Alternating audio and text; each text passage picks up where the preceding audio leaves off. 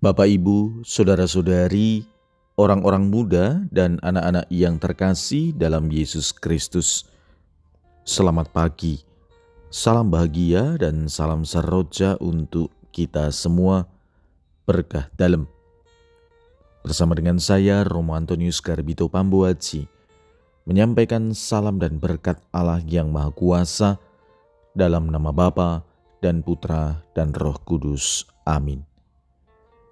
Hari ini Sabtu, 15 Agustus dalam pekan biasa ke-19. Bacaan pertama dalam liturgi hari ini diambil dari nubuat Yeskiel. Bab 18 ayat 1 sampai dengan 10 dilanjutkan ayat 13b dan ayat 30 sampai dengan 32.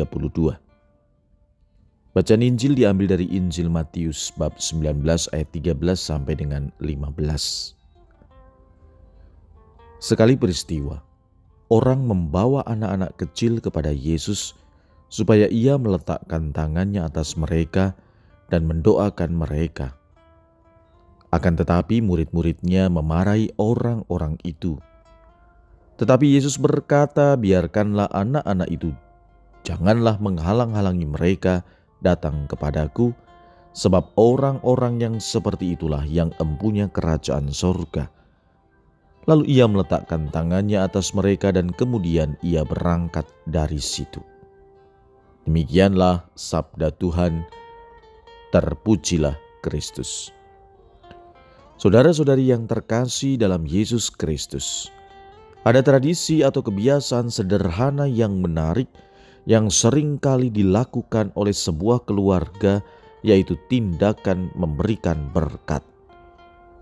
Jika anak mereka hendak pergi, entah ke sekolah, kerja, atau hendak pergi jauh, orang tua memberikan tanda salib di dahi. Mungkin dulu waktu kecil kita masih mengalami itu. Orang tua kita memberikan tanda salib di dahi. Dan mungkin juga saat ini bapak dan ibu melakukan tindakan yang sama terhadap anak-anak itu berarti orang tua dan atau bapak ibu sekalian menyertai kepergian anak-anak dengan sebuah berkat. Berkat yang dimohonkan dari Kristus sendiri. Juga sering kita lihat di antara suami istri pun saling memberikan berkat. Memberikan tanda salib di dahi merupakan tindakan yang sangat sederhana. Tidak memerlukan waktu lebih dari lima detik bahkan juga tidak perlu mengeluarkan biaya sepeser pun. Namun tindakan itu mempunyai makna yang mendalam, menunjukkan iman yang sungguh hidup dalam sebuah keluarga. Orang tua menurunkan berkat atas anak-anaknya. Anak-anak menjalankan tugas hariannya disertai dengan doa dari orang tua.